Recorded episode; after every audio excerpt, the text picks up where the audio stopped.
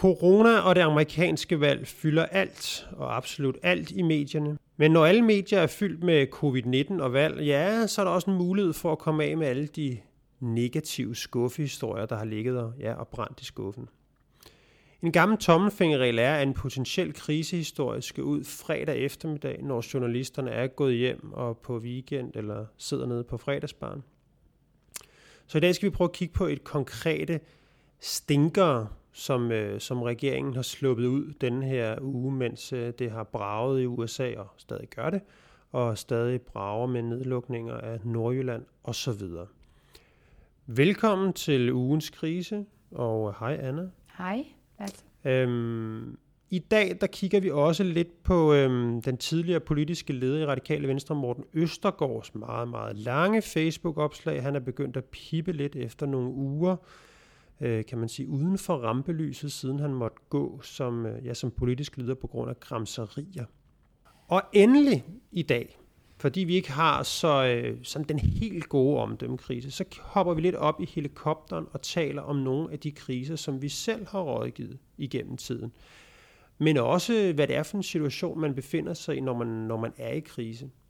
Anna, du har jo selv været, mm. kan man sige, virkelig i ørnen, orkanens øje hedder det i forhold til den her PFA-skandale. Mm. Men altså, et lidt blandet program i ugens ja. øh, krise i dag. Øhm. Ja, man kan sige, at vi tager lidt et nyt greb, øh, og hvilket jo vel er meget naturligt, altså at der ikke er nok kriser altid, der kan fylde en hel podcast øh, øh, uge efter uge. Det ville være mærkeligt, ikke? Så det, det, det er jo måske et greb, vi kommer til at, at bruge lidt mere krudt det på. Kan men godt vi være. synes jo godt, vi kan nørde lidt ned i i, lidt i en eller anden, kan man sige, småtingsafdeling. Man kan så sige, at, at de her kriser og sager, der er, de har det jo med, de bliver jo små, fordi covid er der, og det amerikanske valg. Så bliver Netop. alting jo småt. Hvis ikke de, de to ting skete, så, havde, så var der jo andre kriser, der havde blomstret noget mere, kan man sige. Og det, det er jo det vi første, vi skal tale om, hvordan man kan udnytte det. Og øhm, Ja, og, og hvordan kan man det? Fordi det er jo igen, præmissen er jo, at øh, når der virkelig er noget, alle taler om i medierne, så er der en mulighed for, at man kan losse en historie ud, skrive en pressemeddelelse med et eller andet, som hvis ikke der var det her enorme, øh, en masse andre historier i medierne, jamen, så ville det få noget mere play, altså det ville mm. få noget mere omtale, end det, det, ville, øh, det ellers ville gøre. Og Anna, du har nogle eksempler med. Ja, øhm, altså det der sker, det er, jo, det er jo to ministerier, der læser de her to sager ud. Man kan jo sige, altså når jeg sidder med det med, med, med kunder fra erhvervslivet, kan man sige, at nogle gange så er det sådan lidt overdrevet, hvad, hvad man kan redde ved den her fredagsudsendelse, eller, øh, eller andre kriser. Altså at det der billede af, at man simpelthen i virksomheder eller organisationer eller myndigheder skuffer, ligger noget, man lige kan hive frem, når der er den der, altså det her, det gemmer vi simpelthen til det amerikanske valg. Vi kan allerede nu se, at 3. november bliver crazy, så nu gør vi det. Det er nok lidt mytologisk, altså at, at, at virksomheder og brands gør det, altså fordi det, det er simpelthen umuligt at styre.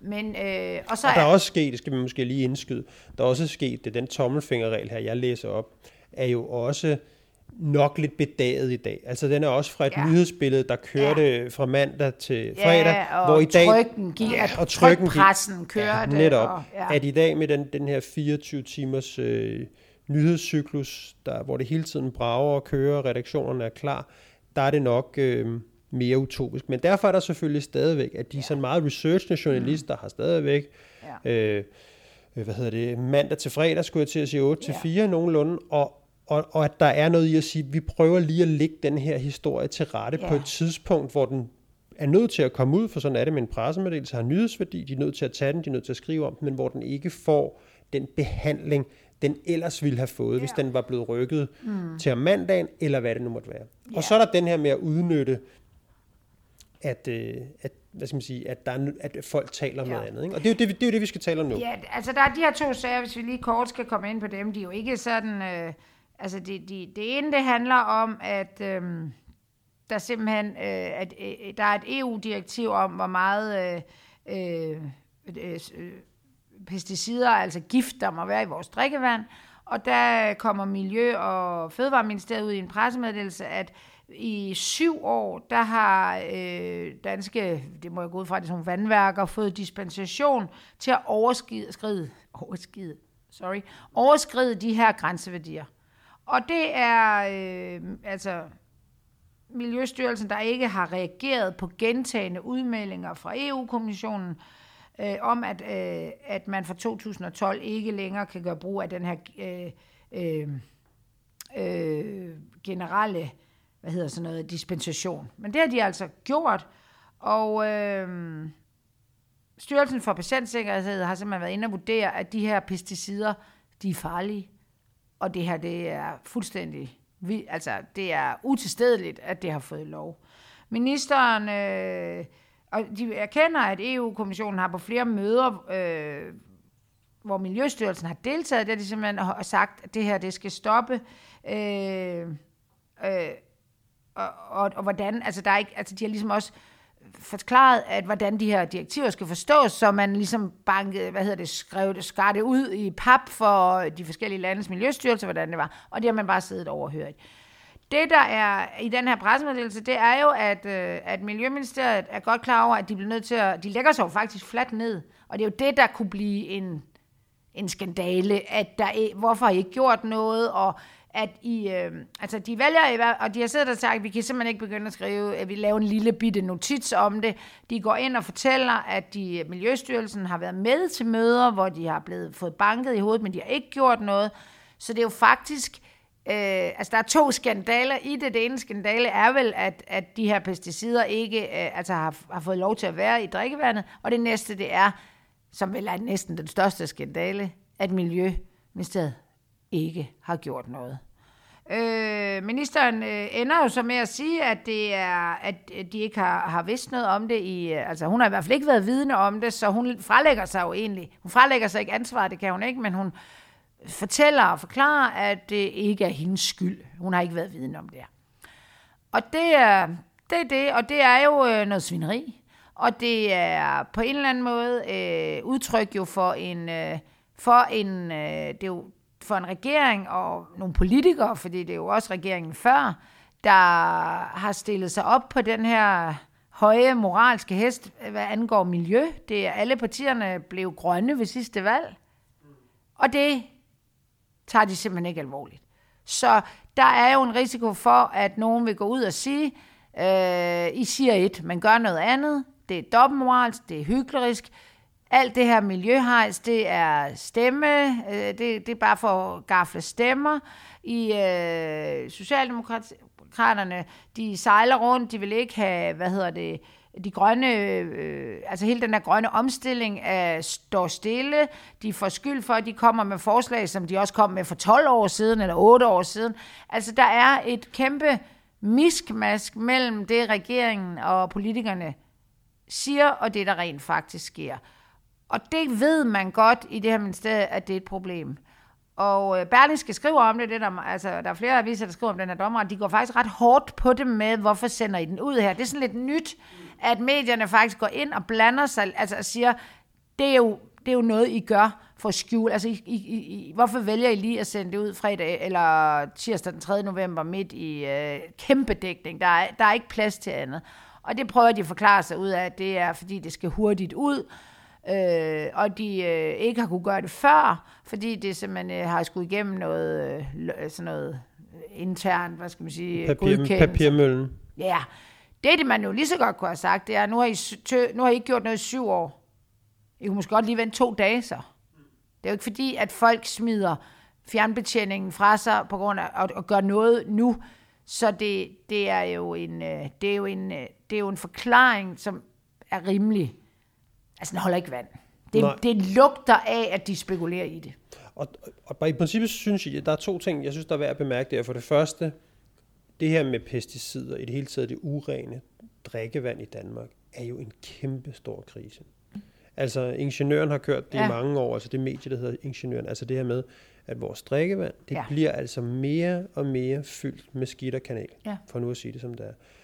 Og, øhm, Det er og indikationerne på, at det er altså noget, der gør, øh, der gør dansken syg, den er altså stor. Ja. Så at, at det her burde jo være Ja. ja. noget, der optog, Ja. ja. kan man sige, øhm, der optog ved medierne, og dermed også optog, eller optog befolkningen, og optog politikerne, og- og, og, og der blev skrevet om. Og nu vi igen, nu har vi corona, snakker alle om det, men sådan en krise som den der, hvor myndighederne jo massivt har svigtet, Og det, ikke, det, det tilsyn, der skal være med de her grænseværdier af Ja. ja. pesticider, er jo en krise, som fuldstændig bare får lov til lige at fylde, lad mig lige gøre den her færdig, øh, der bare får lov at fylde, øh, der, der får lov at fylde så lidt, kan man sige.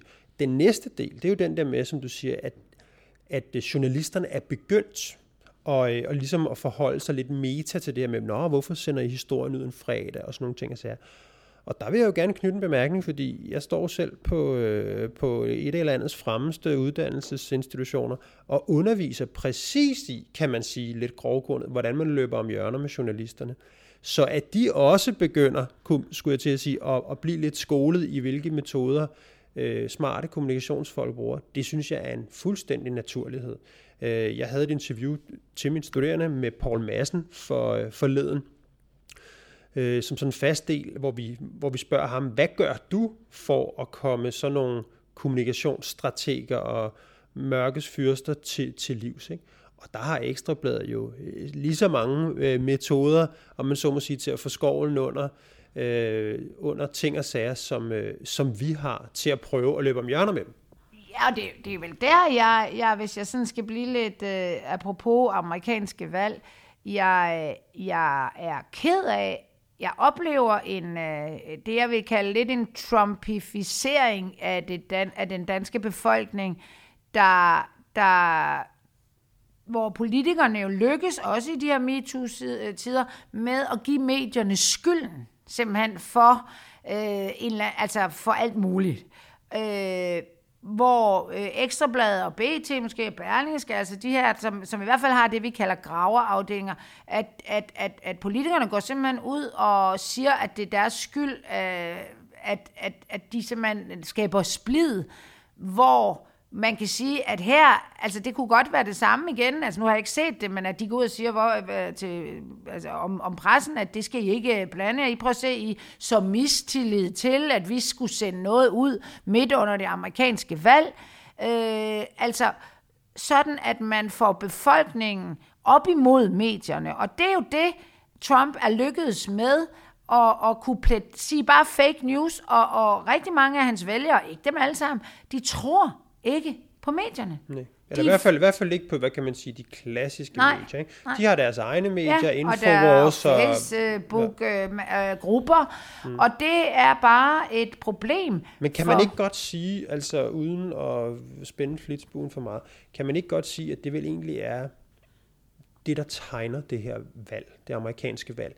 Det er to ekokamre, der Jo. står på hver sin side. Jo. Og nu er splittelsen, uanset hvordan det Ja. ja. valgresultat ender, så er det to mennesker, er der komplet. ingen øh, forståelse har for den, for den andens parti.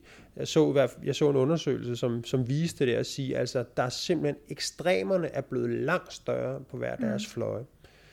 Så, så, så det der med, altså, men, men også bare for at sige, altså, hele det der med, at, at medierne, om man så må sige, må angribe præmissen, hvornår sender du noget ud, gør politikerne jo lige så høj grad siger, hvorfor spørger du om det? Ja. Hvad er det for en, hvor- et kaptiøst, Ja. suggestivt Ja. spørgsmål, du, du vil prøve at fange mig i? Altså det Ja. der med, at de spiller, om man så må sige, det samme spil på hver deres ja. banehalvdel. Ikke? Ja, og der er helt klart nogle temaer, øh, som for eksempel drikkevandet, som øh, alt andet lige måske også bare er ekstremt svært at få styr på. Det, det, men så må de jo sige det, fordi vi har altså Miljøstyrelsen. Jeg, jeg vil jo, så er man jo ligeglad med ministeren. Hvad rager det også, at ministeren ikke har kendt noget til det? Hvorfor skal vi høre det? Det, det, det der, vi er da ligeglade med. Det der ind, selvfølgelig hjælper det måske lidt, men det gør det jo ikke nogen forskel, at Miljøstyrelsen har siddet til gentagende møder i EU og hørt på det her. De er jo ikke idioter.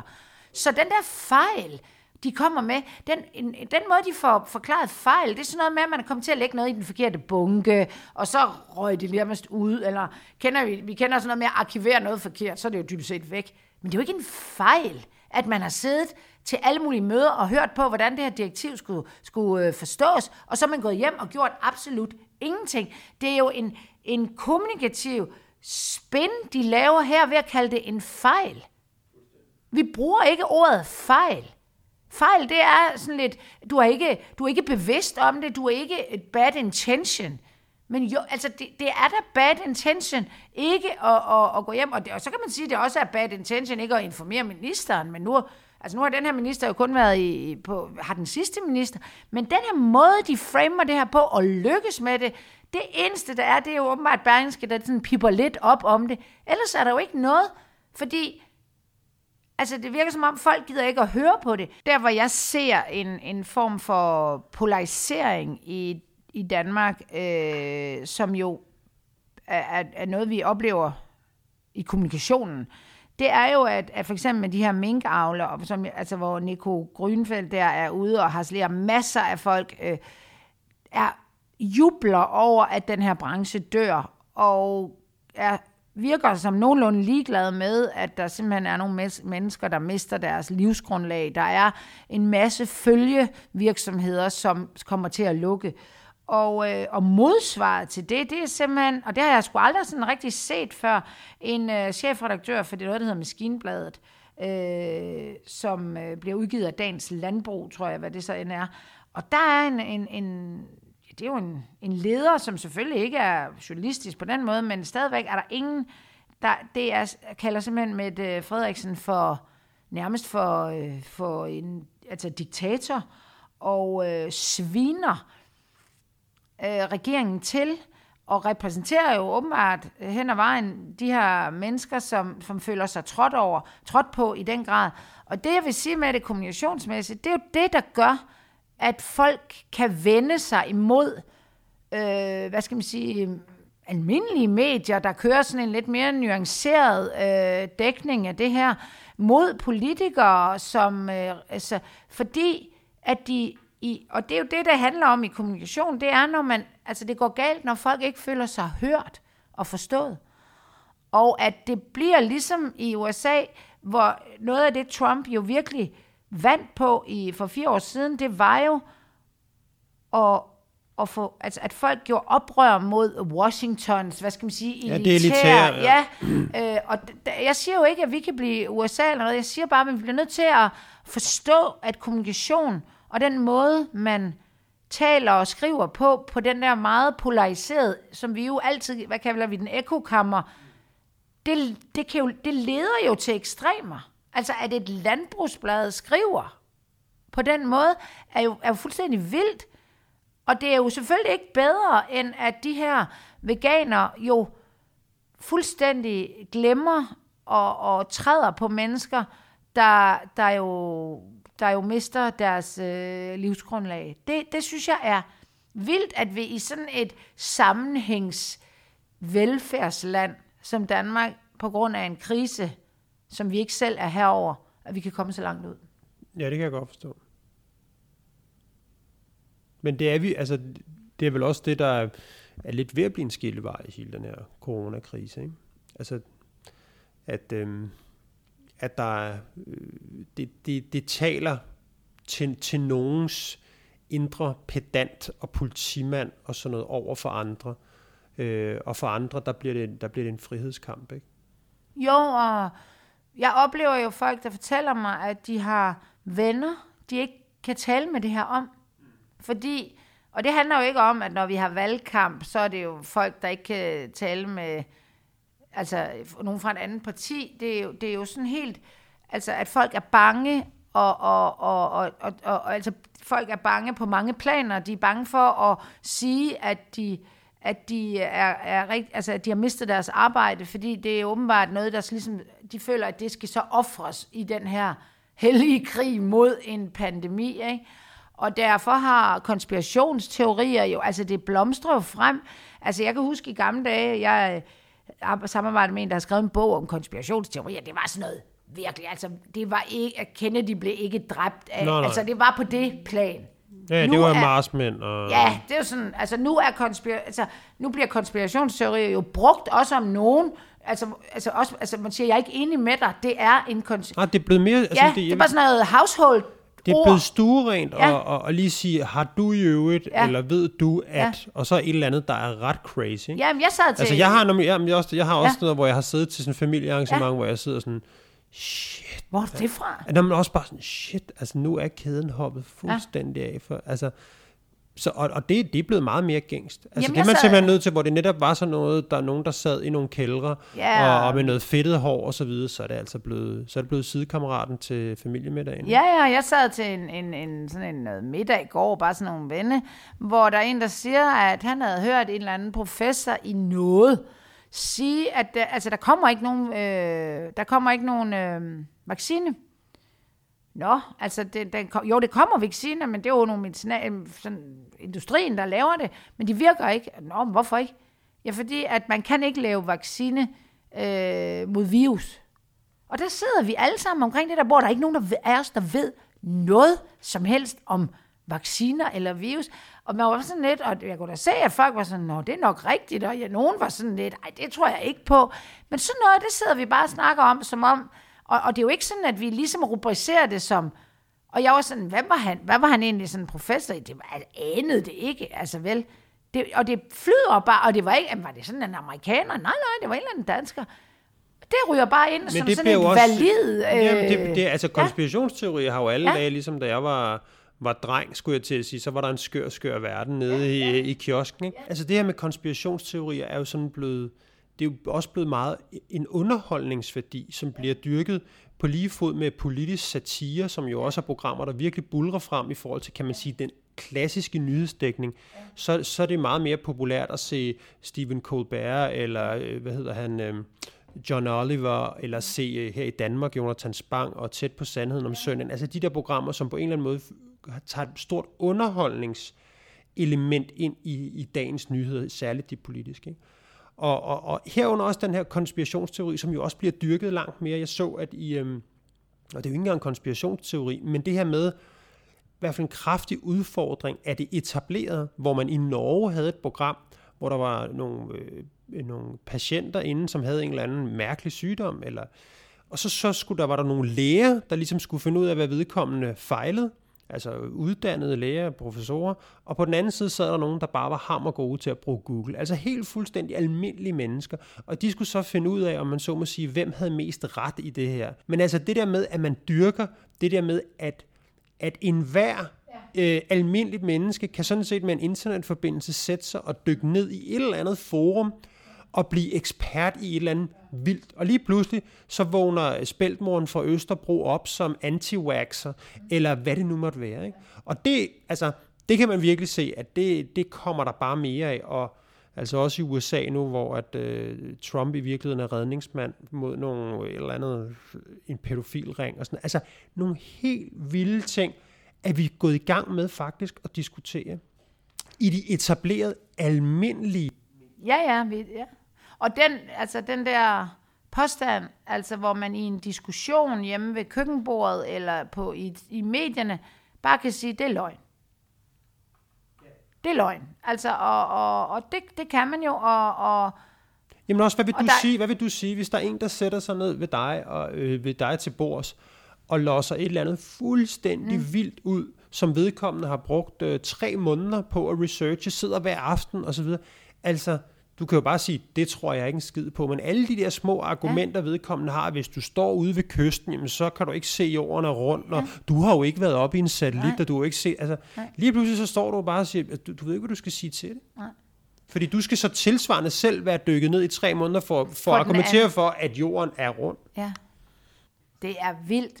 Men jeg undervis, eller det gjorde jeg nogle år, der underviste jeg også sådan en par gange om året, eller altså har været på sådan nogle, øh, ja, de der øh, videregående uddannelser, altså hvor man uddanner øh, diætister, og øh, ja, sådan, altså det er, sgu ikke lige, altså inden for det offentlige. Og det, jeg har undervist i altså fødevarekommunikation og krisekommunikation, og, og, og det gik sgu egentlig meget godt, og det, er lidt, det var lidt ligesom, når jeg var sammen med dig på CBS.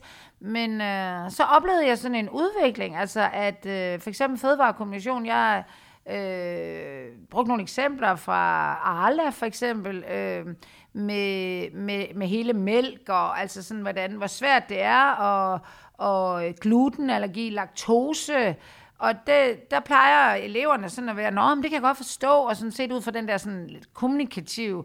Men der oplevede jeg, at øh, især pigerne, de blev sure på mig. Fordi jeg ligesom kom til at repræsentere Arla, og det var nu egentlig ikke Arla bare, det var jo ligesom meget øh, statens, de der kostråd og sådan noget.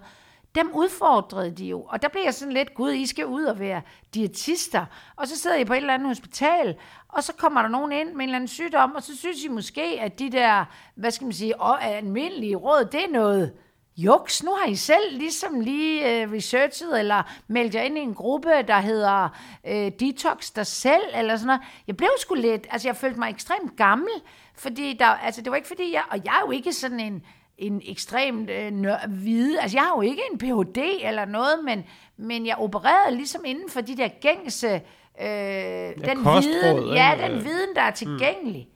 Det vil de sgu ikke... Øh, men det, der, der kom jo en, en film, en dokumentarfilm for nogle år siden, som hed What the Health, ja. og som i princippet var, var en stor kritik øh, af, af den industri, der laver mælk og, ja. og, og kød, ikke? Ja. og sagde, den gør folk syge. Det giver folk gik, den giver folk kraft, den giver folk Alzheimer's osv. Svaret er plantebaseret øh, mad. Ikke? Ja. Den vendte jo verden rundt på mange måder. Altså en, doku, en dokumentar en Netflix-dokumentar, eller hvor den kom. Den vendte verden rundt, hvad det angik. Ikke? Og i dag, der står, altså få år efter, der står landets øh, regering, den danske regering, og siger, vi kunne godt tænke os, der lige var to kødfrie dage om ugen. Ja. Altså, så hurtigt går det i princippet. Ikke? Og altså, for få år siden, der var det utænkeligt, at, øh, at, øh, at, at det kunne være. Og det, det viser jo også, at de der øh, de her bevægelser, som lige pludselig får enorm traction, og det der momentum for veganisme, eller hvad det nu måtte være, det ændres, eller det, øh, ja, det får momentum meget hurtigt, ikke? Nå, Anna, men vi skal jo lidt, øh, vi skal, vi skal jo lidt videre. Ja. Men det er jo egentlig også bare for at sige, altså tror jeg, grund til, at vi også taler om det, er jo også bare for at sige, at det er sgu en lidt ny situation. Ja. Og, og hvor vi som kommunikationsfolk for nogle år siden kunne sidde og pege på øh, nogle bestemte medier siger, at hvis vi repræsenterer det, så er alt godt. Jamen, det er slet ikke en, øh, en, en øh, det er slet ikke sikkert, at det er realiteten i dag, at, det, at der kan være at, at de ting, der var sølvpapirshatter, man fuldstændig kunne afskrive og ikke ville have inden for dørene for et par år siden, jamen det er noget, folk taler om. Ja, ja, vi, vi, vi har altså jo en del af det amerikanske valg har været konspirationsteorier. Ja. Men, og ja, vi har jo virksomheder, som, som øh, altså ikke på covid-måden, men som på en eller anden måde kan se deres eksistens øh, grundlag forsvinde nærmest overnight, hvis der kommer en, en dokumentar, eller hvis, altså hvor, hvor, hvor, vi kan, altså hvor man jo ikke engang kan råde dem til noget, fordi det, det handler jo om, at det de altid har gjort, og det de gør, mm. at det ikke dur mere. Ja, ja, altså det er, sådan, det er jo disrupt, ikke? Det ja. samme, altså Jensens ja. Bøfhus, de er nærmest døde, ikke? Ja. Uh, MASH, altså alle ja. de der bøffer steakhouses, ja. det er ikke flammen og, ja, ja, og det, det kan slet ikke du lige nu, fordi det er bare ikke det, folk vil Nej, have. og, jeg, og man kan tage Uagtet sin, coronavirus. Man kan tage sin uh, værktøjskasse, og, og altså, altså jeg, har, jeg oplever jo oftere, end jeg nogensinde har gjort, og det, det er jo ikke, altså at jeg simpelthen siger, det er simpelthen ikke... Øh, altså det duer ikke, jeg giver et eller andet tilbud på en eller anden proces her. Fordi løbet er kørt. Og hvis jeg gør det, så er jeg i hvert fald kun in it for the money. Og jeg skal stadigvæk, synes jeg selv, give så mange forbehold, at jeg næsten vil øh, råde dem til bare at se tiden ad, an og klare sig. Ikke? Fordi det, det, det, det, det, det er så vildt. Og det er vel i en af de ting, som vi arbejder med i, i, i jeg er i hvert fald i strategisk kommission, som jo ikke, altså jeg tror ikke, det, det er ikke 10 år, altså jeg, jeg tror ikke, jeg har arbejdet med det i 10 år, det er jo, at følelser overtrumfer facts. Det er, det er det ikke rigtigt. Da du voksede veje på GK, det var ikke eksisterende. Nej. Det var præcis omvendt. Mm. Det er meget, jeg, jeg, jeg underviser jo i sådan en model, ja. der, som, som, som er sådan en, den kognitive model for folk, som, øh, øh, som hvordan folk opfatter kriser. Ikke? Og altså, et af hovedpræmisserne for den model, det er, er der følelser involveret? Altså, er det, noget, er det noget, der handler om sexisme? Er det noget, der handler om ligestilling? Er det altså, noget, der handler om de her ting, så er, det kan stikke fuldstændig af, og det behøver ikke engang have noget med sagen at gøre. Altså det der med, når først der er mobiliseret det der, så er det tog, man ikke kan stoppe. Og det er jo, det, når du siger sexisme, ligestilling, vi kan altså sige fødevare, altså noget, som mm. vi, altså det her land er bygget på, øh, og landbrug, er, og den måde, vi driver landbrug, det, det, er jo, det er jo ikke, det er jo 20 minutter siden, der var det facts. Mm. Nu er det følelser. Ja. Og det, det, Og det tror jeg giver også- bare en, øh, det gør jo bare, at det bliver et problem, fordi at alle, altså hvis alle så løb i den samme retning med de samme følelser og mente det samme, så var det jo ikke det store problem. Nej. Problemet er jo, at det kommer til at, eller det deler befolkningen i, Ja, det deler dem i hver deres lejr, ikke? ja, og vi får en diskussion, vi aldrig har haft før om, hvad er facts? Ja. Eller de her facts, det er mm. løgn, mm. og de her, de er rigtige. Ja, ja. Nej, det er lige omvendt. Mm. Og når vi skal rådgive kommunikationsmæssigt det, det er så svært. Ja. Og det er jo også derfor, vi, vi insisterer på ikke at tale om coronavirus ja. i det her. Det er jo fordi, at det, det, der er simpelthen for mange meninger fra forskellige jo uddannede folk. Ikke? Altså ja. den ene virolog siger, at vi skal bare have flokimmunitet, og alle skal. Den anden siger, at det må ja. vi endelig ikke, vi skal lukke Nordjylland ind, ned. Øh, Sundhedsstyrelsen siger, at mund, mundbind virker ikke, så siger Sundhedsstyrelsen, at mundbind virker. Altså, der er jo mega meget grobund for de der ting, ja. og hvor, hvor de facts bliver hentet, og hvad man skal mene og synes om det. Og det gør jo, at det bliver jo, altså, noget af det første, vi jo interesserer os for, når vi skal løse en krise, eller hjælpe nogen med at løse en krise, jamen det er jo, hvad er fakta her? Ja, og det, det og, og, og, altså, hvis, hvis præmissen er, det er sådan lidt, bøh, bøh, bøh, jamen så er vi jo fuldstændig afmonteret. Ikke? Jo, og hvis vi går ind og siger, nu vil vi godt øh, prøve at kigge virkelig nærmere på, på øh, Brostrøms kommunikation, hvis det er det, vi vil, det, det, så enten så ender vi jo på den ene side, eller, eller med at sige, at det er fantastisk, fordi han nailer den, og det virker, og han bla. Eller også så ender vi i den anden grøft med at sige, at det er populisme, det er, øh, han, han er manipulerende. Altså, der er ikke noget, øh, vi, kan, vi, vi to, vi kan ikke, vi kan simpelthen ikke uh, teoretisk nail den. Nej, det, det er... Det, Det er vildt. Ja, det er vildt. For Det kan man normalt. Altså, jeg levet med, de her, med den her teoretiske tilgang kombineret med, med erfaring, ikke? Og det har du jo også. I mange år. Og, og det kommer bare til kort. Ja, det gør det. Nå, vi skal lidt videre her, øhm, fordi vi har jo, øhm, vi har jo øh, hvad hedder han, Morten Østergaard. Ja. Og Morten Østergaard, han, øh, han, er jo, øh, han er jo ude den her uge ved at sige, jeg er okay, men jeg er ikke okay, i et meget langt Facebook-opslag. Har du, øh, har du læst det? Ja, det har jeg. Skal, vil du så ikke sige lidt om, hvad du, hvad du tænker om det? Jo, jeg skal lige finde det, fordi jeg kan det ikke helt uden ad dog. det er fair nok, det fylder bare jeg otte synes, det er sider, svært altså. at bare lære sådan nogle ting uden ad. Og... Men altså, du kan jo heller ikke huske så langt. Nej, jeg er jo en gammel Altså, dame. det er ikke noget med at være gammel, det er Nå. noget med den der attention span, ikke? Nå, jo, jo. Altså det der med, at du, det der skete i går, du kan ikke ja. huske, hvad du lavede i nej, går. nej, vel? nej, det er... Det kan vi jo ikke. Øhm, jamen, han er jo ekstremt øh, personlig, altså, og han, jeg tror, han har brugt rigtig lang tid på at skrive det her, det er langt. Øh, han, øh, han bruger krudt på at sige, at altså, hans overskrift er, jeg er ok, men jeg er ikke ok. Så han prøver at balancere mellem ikke at, altså han vil heller ikke være offer, men altså, jeg er ikke ok, det er jo offer kommunikation, men jeg, og jeg er ok, det er så det omvendte. Så det er det, han prøver. Det kan man jo sige, øh, flugter fantastisk med det, vi sådan også lidt humoristisk kalder radikal kommunikation. Det er det, der hedder på den ene side, og på den anden side. Og der er Morten Østergaard jo hverken det ene eller det andet. Så det er jo helt, kry- hvad hedder sådan noget, check. Det er totalt kryptisk. Ja.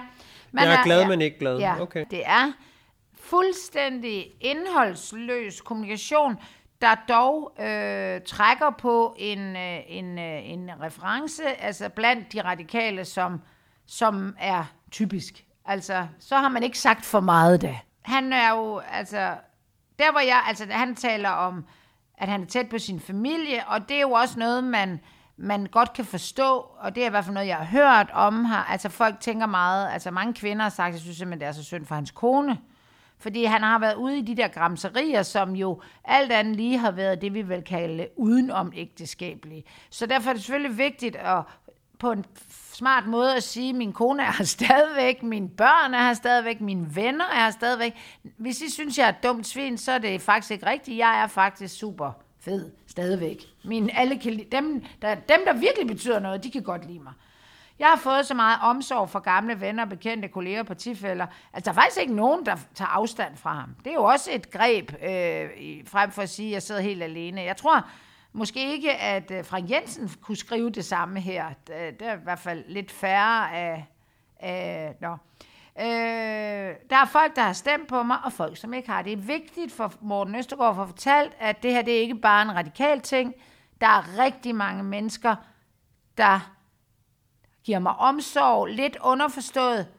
Faktisk synes, jeg har været, jeg har ikke været ordentligt behandlet. Og det er der, der den her, det her opslag, det er på en relativt smart måde pakket ind i offerkommunikation.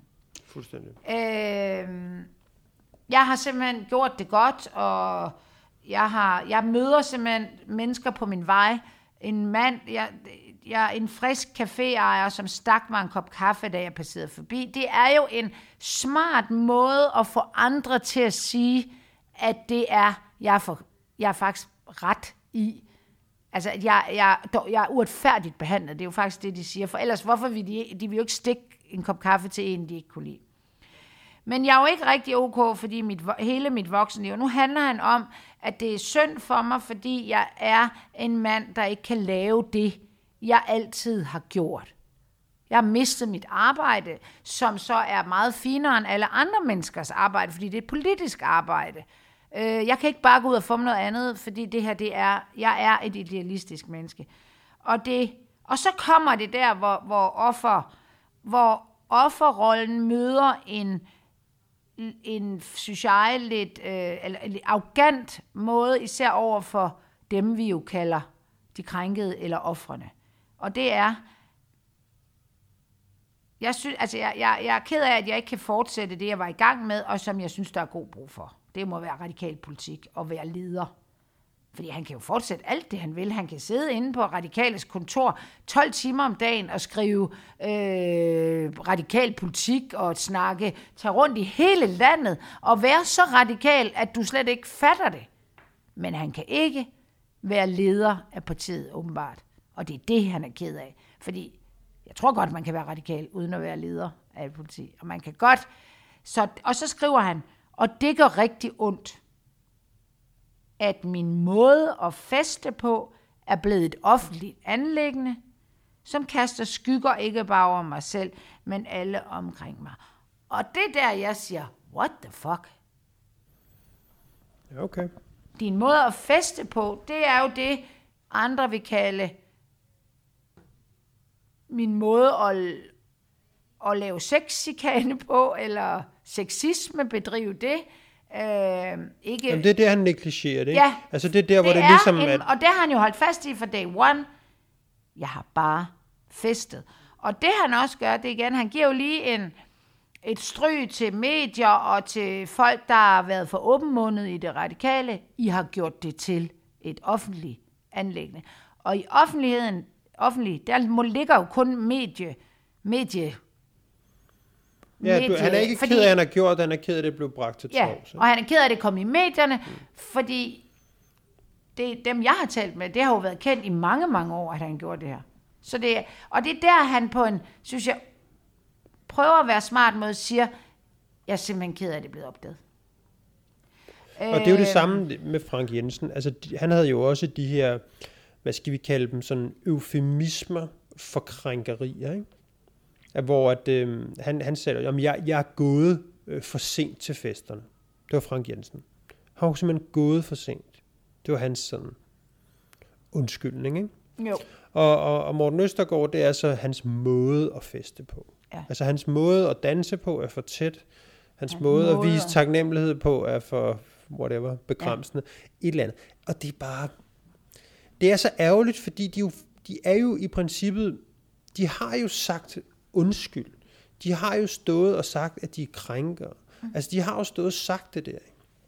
Og når det så bliver den der anden bølge, hvor, hvor de skal bygge sig selv lidt op igen, mm. så kan man diskutere tiden i, hvornår man skal gøre det, så, så bliver det det der, hvor at, at de, øhm, de fjerner, kan man sige, de fjerner den der gerning, øhm, Altså, ved, man- ved, ved at fokus forskyde, ikke? ved Og- at flytte fokus over på at sige, det er faktisk i princippet, når alt kommer til alt, mest synd for mig selv. Ja, og det, han nævner ikke de krænkede med et eneste ord. Han nævner ikke, og han, be, altså, Men han, han, kunne, ekokammeret han kunne have sagt, jeg er så ked af, hvad jeg har udsat de her mennesker, piger, kvinder for. Han nævner det ikke med et ord. Nej. Det handler om ham. Og det eneste, det tætteste, vi kommer på dem, det er, jeg er ked af den måde, jeg har festet på. Ja. Men det synes jeg godt, vi kunne bore lidt i for en kort bemærkning, fordi der er jo, øhm, som vi også sagde i oplægget, det her med at være i krise, når man ligesom, når, når der er det her, der rammer, når medieomtalen rammer, når det, man bliver udbasuneret, udbasuneret på Ekstrabladets forside, når alt ramler på en eller anden måde, ikke? så sker der også noget med, med mennesker på en eller anden måde. Nogle gange så er det sådan lidt ligesom, når folk får meget ansvar eller bliver ledere, så viser de lidt deres sande ansigt. Og sådan er det også under en krise, at der er nogen, som meget hurtigt kan se, at de har begået en fejl, og de har dummet sig gevaldigt, og, øhm, og, øhm, og det skal de have gjort noget ved. Og, de, og kan se det tydeligt med det samme, uden at der er nogen andre, der fortæller mig, at det der det er altså fandme for dårligt. Ikke? Og så er der de andre, som jeg nogle gange fristes til at sige folk er flest, men dem, som slet ikke kan forstå, hvad der har ramt den, og som synes, at det er en helt enorm urimelighed. Øhm, Og her er sådan en og, og at den altså konsekvens, de ligesom skal lide på baggrund af den her øh, krise, er for stor på en eller anden måde. Og det er jo der, at man som kriserådgiver ofte har et, øh, et stort øh, ansvar i på en eller anden måde at lege lommepsykolog, eller hvad man skal have. Ikke? Fordi at man kommer simpelthen ind til et menneske, som på mange måder er dybt indineret, og måske er brændt sådan helt sammen. Altså på lige vilkår med en, der har været ude for en ulykke, eller et eller andet. Altså der står et menneske i en eller anden tilstand af Ja, en eller anden En- tra- trauma, traumatiserende, en eller anden tilstand af ja. chok. Ikke? Mm. Og, det, øhm, og det er selvfølgelig klart, det er, jo, det er jo meget menneskeligt. For De her, både Morten Østergaard og Frank Jensen, deres verden er jo blevet revet fuldstændig midt over i det her. Ikke?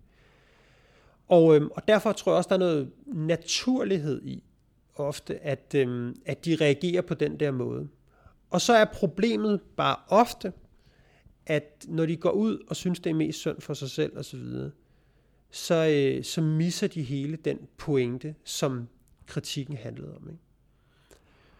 Og Anne, derfor kunne jeg godt tænke mig at spørge lidt om lidt dig lidt. Du har jo været, du har selv været i sådan en krise engang. Ikke? PFA-skandalen. Du var kærester med den nu detroniserede, kan man måske godt sige, Kurt Thorsen. Eller, ja, Nu, jeg tror, han blev det for. ja, blev det. Dengang, ja, ikke? men sådan, ja. ja. forløb, Det er ikke? i hvert fald der, han er. Ja. Det er den er, og, øhm, og blev jo, uden vi skal måske bore for meget af det, draget ind i den sag, var en del af den sag, øhm, og mistede jo, kan man sige, eller du, eller ikke mistede, men du havnede på forsiden for noget negativt øh, meget hurtigt, ikke? Jo. Og hvad gjorde det ved dig, sådan personligt, i forhold til det med, ligesom Frank Jensen og, hvad hedder han, Morten Østergaard, for at bruge dem, at ligesom sige, det er nogle mennesker, som på en eller anden måde, tænker jeg, handler lidt i, øh, i traumatisk afmagt. Hvordan var det for dig, spørger jeg meget ledende. Jamen, det var da dybt, dybt ubehageligt øhm, at, at være en del af og få sin... Altså, det der, det, der ramte mig, det var jo min... Det, som jeg jo faktisk også lever i dag, min, min dømmekraft og min troværdighed blev beklikket. Ja. Det ramte mig simpelthen så hårdt, og det kæmpede jeg længe med. Jamen, hvordan reagerede du? Altså, da du nu, som sagt, ramte dig, altså, bare, følte du bare en, sådan set, bagklogskabens ulideligt klare lys, følte du, at, at du var ramt af, mm. af, af, af en ulykke på en eller anden måde? Nej, eller? altså jeg tror jo nok, og det er vel også derfor, jeg kom mig, og det er derfor, jeg sidder her i dag og laver det, jeg laver, fordi jeg havde en evne, og den håber jeg da stadigvæk, jeg har, til at se det udefra. Og det er jo det, der, det er jo det jeg, jeg kæmper med mine kunder om, ikke bare i krisekommunikation, men generelt, at se det her brand eller den her person med andre øjne end en selv. Så det jeg vel, hvis jeg skal, og det er ikke for at sidde og prale og være smart eller noget, men jeg tror, jeg rigtig hurtigt evnede at se og forstå, altså forstå det og putte mig selv væk.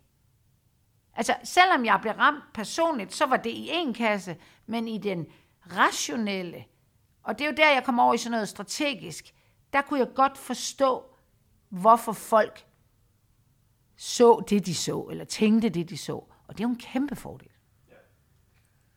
Og det, jeg kæmpede med i nogle år efter, og det, det var jo det, jeg kaldte moralske tømmermænd. Hvordan var jeg endt i den her situation? Hvorfor havde jeg ikke opdaget det? Hvorfor? Ikke fordi jeg sådan gik rundt i kæmpe skyldfølelse, men at jeg, der opfatter mig selv som et, øh, et altså med værdier, der er i orden og god moral, hvordan kunne jeg ende her? Og det brugte jeg jo. Jeg flyttede jo til Holland øh, efter, hvor jeg ligesom fik, hvor jeg havde, jeg, jeg, jeg skulle simpelthen væk fra det hele, og så skulle jeg komme mig, og jeg skulle forstå, altså selv lære at agere i, at det var okay, at jeg ikke havde gennemskuddet. Altså, der var alle mulige advokater. Der. Altså, du ved, det var egentlig øh, min, min... Men selve i det, der prøvede jeg jo ligesom prøve at, at, at se sagen udefra, samtidig med at jeg også skulle se det fra min egen side. Det var jo det, jeg gjorde en forklare, hvordan opfattede du det her? Men hele tiden var jeg opmærksom på alt, hvad jeg sagde, hvordan det blev opfattet. Og det er vel min egen, det var min, der bliver kastet ind i, i min egen krisekommunikation. Men jeg synes, det er meget rigtigt, det du siger, at, at altså, det man ofte betaler en rådgiver for, det er jo at se det udefra. Ikke? Ja. Og, og når man er i en krise, så er det sådan næsten hovedopgaven, der er at sige, hvordan ser det her lige ud over ja. på den anden side, der, der, derfra, hvor jeg bliver kritiseret. Ikke? Jo. Og så hold det hoved koldt. Ikke? Præcis, men det du vil også oplever som rådgiver, det er, at når du så fortæller, hvordan det ser ud udefra, så, vil de ikke, så tror de ikke på det. Altså, så det er ikke bare, det er ikke bare sådan at bare sige, hvordan det er, og så siger de, nå, nu kan jeg bedre forstå det. Det er, bliver en kamp næsten, altså, hvor jeg jo bliver nødt til at sige, at hvis ikke I vil anerkende, hvordan omverdenen opfatter det her, eller medierne, eller hvad det nu er, så kan jeg ikke, rigtig, så kan jeg ikke hjælpe jer. Hvis, hvis vores opfattelse af virkeligheden er alt for forskellig, jeg kan godt forstå, hvorfor I agerede, og jeg kan sådan, og igen der med at komme sandheden på bordet, så kan jeg faktisk ikke hjælpe jer. Fordi, og det har vi sagt 100 gange, Lasse, så vil min rådgivning ramme dem i nakken, fordi jeg agerer ud fra et værdisæt, og de agerer ud fra et andet. Ja. Nogle gange kan det jo godt lyde som om, at når vi behandler øh, Frank Jensen-sagen eller Morten Østergaard-sagen, så behandler vi den som om, vi nærmest antager, at de ikke har nogen rådgiver. Altså du ved, vi siger, hvor er, hvor er ja. kritikeren i deres kriserespons? Mm. Men, men, men vedkommende er der selvfølgelig. De er mandsopdækket af dygtige ja. kommunikationsrådgiver. Men, men, men det her problem antager jeg, at det er det, der opstår. Altså det, der reelt sker, det er, at Morten Østergaard, han bliver sådan overbevist af spindoktorerne, siger, du skulle nødt til, og du må nok hellere lige. Men han har ikke overbevist sig selv. Nej. Og det betyder, at det, det, det kommer ud mellem sidebenene alligevel ja. på et ja. eller andet tidspunkt. Og så, og ligesom med Frank Jensen, om jeg er en krænker, jeg er også ked af det, jeg er også ked af det, men oh, jeg har været justitsminister også, oh, det er uretfærdigt her. Og, og, og det er det, der kommer til at fylde. Og så kan man sige, så, så, så er krisehåndteringen, den er ikke så meget værd lige Nej. pludselig, hvis det er på den her måde. Og det, det, det er jo det, der er, jeg synes, jeg kigger altid grundigt efter, for det, der er jo sådan en helt fuldstændig fast skabelon for det her. Så går man, kommer lidt væk, og så på et tidspunkt, så kommer man tilbage med det der dobbeltopslag i Berlingske, eller hvad det nu måtte være, og hvor man sådan lige reflekterer lidt over krisen. Og det er næsten altid der, man kan vurdere at sige, er det her, om man så må sige, en, en spundet, var det et, en spundet krisehåndtering, altså hvor alt var øh, strategi, og det var, vi var nødt til at gøre det, for ellers ville organisationen for flere problemer osv., eller kommer det sådan fra det der rene hjerte? Ikke? Og, hvis man kan, og det kan man bare se i de der refleksioner og sige, hold kæft, nu har jeg virkelig, jeg har virkelig tænkt mig om, jeg kan virkelig godt se, at jeg, jeg har simpelthen gjort nogle ting forkert. Og så kan man godt stille færdigt også synes, at hammeren var faldet for ja, hårdt, ja, eller sådan altså, Sagtens kan man det, men det der, man, når man bytter rundt på dem, som både Morten Østergaard og Frank Jensen gør, når man bytter rundt på den der, så ved man godt. Okay. Men vi havde jo et eksempel i sidste uge, som øh, fortsatte efter vi øh, slukkede for mikrofonerne. Det var jo Carsten Lauritsen, som jo eksekverede, synes jeg, næsten til perfektion en, øh, en krisehåndtering, hvor, hvor han jo først går på, altså går ud i medierne på forhånd.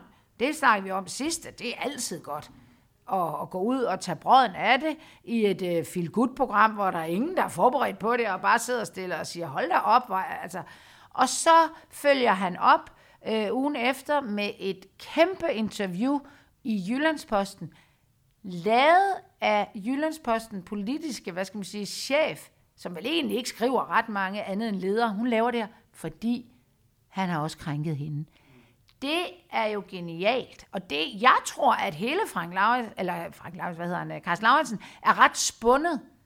Hele hans, der er nogen, der har hjulpet ham, men han har faktisk, virker det som om, selv en forståelse. Og det prøvede jeg i hvert fald, jeg var faktisk en news jeg tror, han er, på, jeg, ja. at han er ung. Ja, han er ung, men jeg, jeg, jeg, tror, jeg tror også, Carsten Lauritsen har, har, altså, det kan man, altså, den gode balance går jo altid mellem at have, kan man sige, hjertet på det rette sted, ja. og så selvfølgelig kende strategien. Det er jo ikke sådan, at det ene udelukker det andet, at man bare kan lykkes i politik og lave den Nej. bedste kommunikation, bare ved at have et rent hjerte. Selvfølgelig må man gerne professionalisere sig, og det gør, det gør øh, Carsten Lauritsen. Men jeg tror faktisk, han selv har om man så må sige, Jamen, det tror jeg øh, hjertet på rette sted i, i den her sag, det. og synes ikke, at det er øh, allermest synd for sig selv, og, og gør det ikke bare for at ride stormen af. Og, og nogle af de kriterier overholder han, og, eller tro, og, tror jeg gør, at det, at det er derfor, han, han, siger, han, han har succes Han bruger med det. relativt lang tid på at tale om de krænkede. Ja. Og han siger, han, be, han bruger ikke ord som beklager. Han siger, undskyld.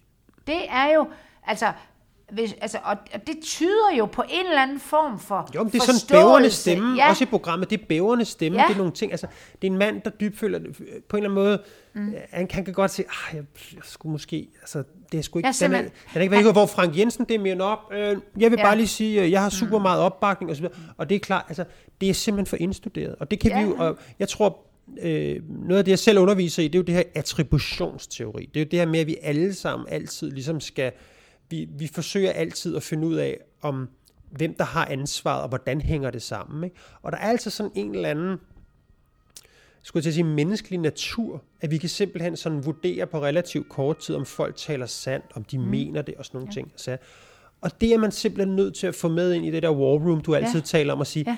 er det her en mand, der, ja. der, der, der troværdigt kan bære det budskab? Men lad os det jo også igen, set udefra, vir, altså, hvordan fremstår du, ikke? Og der er det jo en ubehag, altså jeg kan da godt have det ubehageligt, når jeg må stå og sige til en administrerende direktør, du fremstår simpelthen som en eller anden øh, glat type, altså du ved, det er jo ikke, men, men ja, og jeg må jo en gang imellem, så må jeg bare sige, hey mister, det er dig, der betaler mig for at, for at sige det her. Jeg, jeg føler, jeg er helt klar, hvis, hvis jeg, jeg, du, du betaler mig for det, det, jeg, jeg, jeg får ikke betaling for at klappe dig på ryggen og sige, det er fantastisk, det er, når jeg ikke mener det. Nej, nej, det er også rigtigt og sådan noget. Ikke? Men der, hvor jeg synes, at, at, øh, at Carsten Lauritsen, øh, altså jeg synes også, der er en anden lille ting, som er sådan lidt privatagtig, som gør en forskel. Øh, Carsten Lauritsen, for det første så anerkender han også den der, altså han, er, han har jo altid været ude at sige, at han er ordblind. Han, øh, det har han altid nældet ret godt, når han skri- har skrevet sådan nogle virkelig øh, næsten uforståelige ting på Facebook, så sviner folk ham, så siger han, prøv at høre, jeg er ordblind, jeg gør det så godt jeg kan. Der er jo allerede noget med ham der. Så siger han i de her interview, at han er sådan en nørd jo. Altså han er typisk sådan en VU'er, der åbenbart ikke fik alt det fis, var jeg lige ved at sige, hvis det, det siger det, jeg jo ikke her i det pæne program, men I ved, okay. hvad jeg mener. Og det giver jo noget sympati, og så var han Men han ligner en, der godt kunne have fået en, en, en, en hold for der noget buksevand. Ja, præcis. Så han spiller jo på, at jeg var ung, og jeg var dum, og jeg anede ikke, hvad jeg lavede, uden at komme over og sige, det er hans store undskyldning. Og så siger han også en ting, som jeg tror hjælper ham lidt i, og sådan nu, jeg var single. Det er jo også en lille forskel fra Frank og Morten, drengene. De bækser jo med den der kone og noget svigerfamilie, der sidder og kigger på det her. Det er Carsten Lauritsen jo dejlig fri for, fordi de der piger eller kvinder, han åbenbart ikke har været super fed overfor, der var ikke en kone derhjemme, der sad og sagde, du skal ikke stå i medierne nu. Og, og det, det er også tilbage til Morten Østergaard. Det der med, at han sådan er pinlig over, at, at det her, hans privatliv kommer frem. Man er bare sådan, Hvem er du pinlig over det for? Det må sgu da være over for dine kone og dine børn og sådan noget. Det er Frank Lauritsen. Hold nu kæft. Carsten Carsten Lauritsen. Jeg ved ikke, hvor det kommer fra. Frank Lauritsen er virkelig et kiks af det hele, et mix af det hele. Men det er han dejlig fri for. Og han får endda sagt også, at jeg har en sød kæreste nu. Ja, altså, ja. jeg, han kan simpelthen... Han kan i, i, i, i lytterens, modtageren, der kan han simpelthen frame sig selv som sådan en, der ikke gør det mere. Det er de andre jo slet ikke Nej, det- det lykkes med. de ikke. Og- Dem er man jo dybest, dybest set nervøs for at møde på et dansegulv stadigvæk, ikke? Ja, der var jo det sidste program i, øh, i, øh, i A3 på TV2 i går om øh, de her ungdomspartiers øh, adfærd over for de her unge kvinder. Der er ni kvinder, der simpelthen øh, fortæller deres historie. Og det sidste var i går. Der var ikke, jeg ved ikke, der var noget... Det skulle ikke om, altså, man kan jo ikke lade være med at tænke på, det er jo alle sammen fremtrædende mænd i, i, det, i Socialdemokratiet. Øh, der var også andre partier. Øh, men man er nok mest nysgerrig på, hvem fanden de er. Fordi der, det er ikke nogen, der nu sidder og er fælles tillidsmand på Nørm Øbertslev øh, savværk. Det er, der er nogle penger, som, slet, som vi bare kan sidde og gætte på. Og vi kan ikke gætte på, det er faktisk det er lavet rigtig godt. Man aner ikke, hvem fanden det er. Men han, man har lyst til at køre på cykel hjem til de der piger og sige, hvad fanden var det? Ikke? Fordi det er så vildt, og de er så store i det. Øh, og man tænker stadigvæk, og de er jo også alle de her piger, der er med, de er jo fucking langt væk med, fra, fra det sted nu, så det er jo derfor. Og det vi ved med mennesker i krise, øh, eller som øh, er, er, altså ikke bare altså som, som de her, det er, at de har et kæmpe behov for at blive hørt på. De vidner, jeg har talt med, eller øh, fra Radikal Venstre, de her unge, det er deres absolut største problem, det er, at ingen har givet at høre på dem. Det er ikke ned i detaljer, hvad han gjorde og hvorfor. Det er, at nogen af de andre voksne skulle høre på dem og forstå det. Og ved hvad, efter de tre programmer, så er der ingen, jeg har ikke opfattelse af, at der er nogen, der stadigvæk vil høre på nogen. Og det kommer frem af de her programmer, at det, det handler om for alle partier, det er, at det må ikke komme frem, fordi det skader os. Og Det er sådan det, og det, det, det er meget stærkt på den måde, at der er ikke nogen løsning i det her program. Der er ikke nogen forløsning. Der er ikke nogen af pigerne, der er, som en af dem siger, der er ingen vinder. Nej. Det er helt sikkert noget, der fortsætter, når det amerikanske valg er overstået, og øhm, coronaen måske ligger sig lidt igen.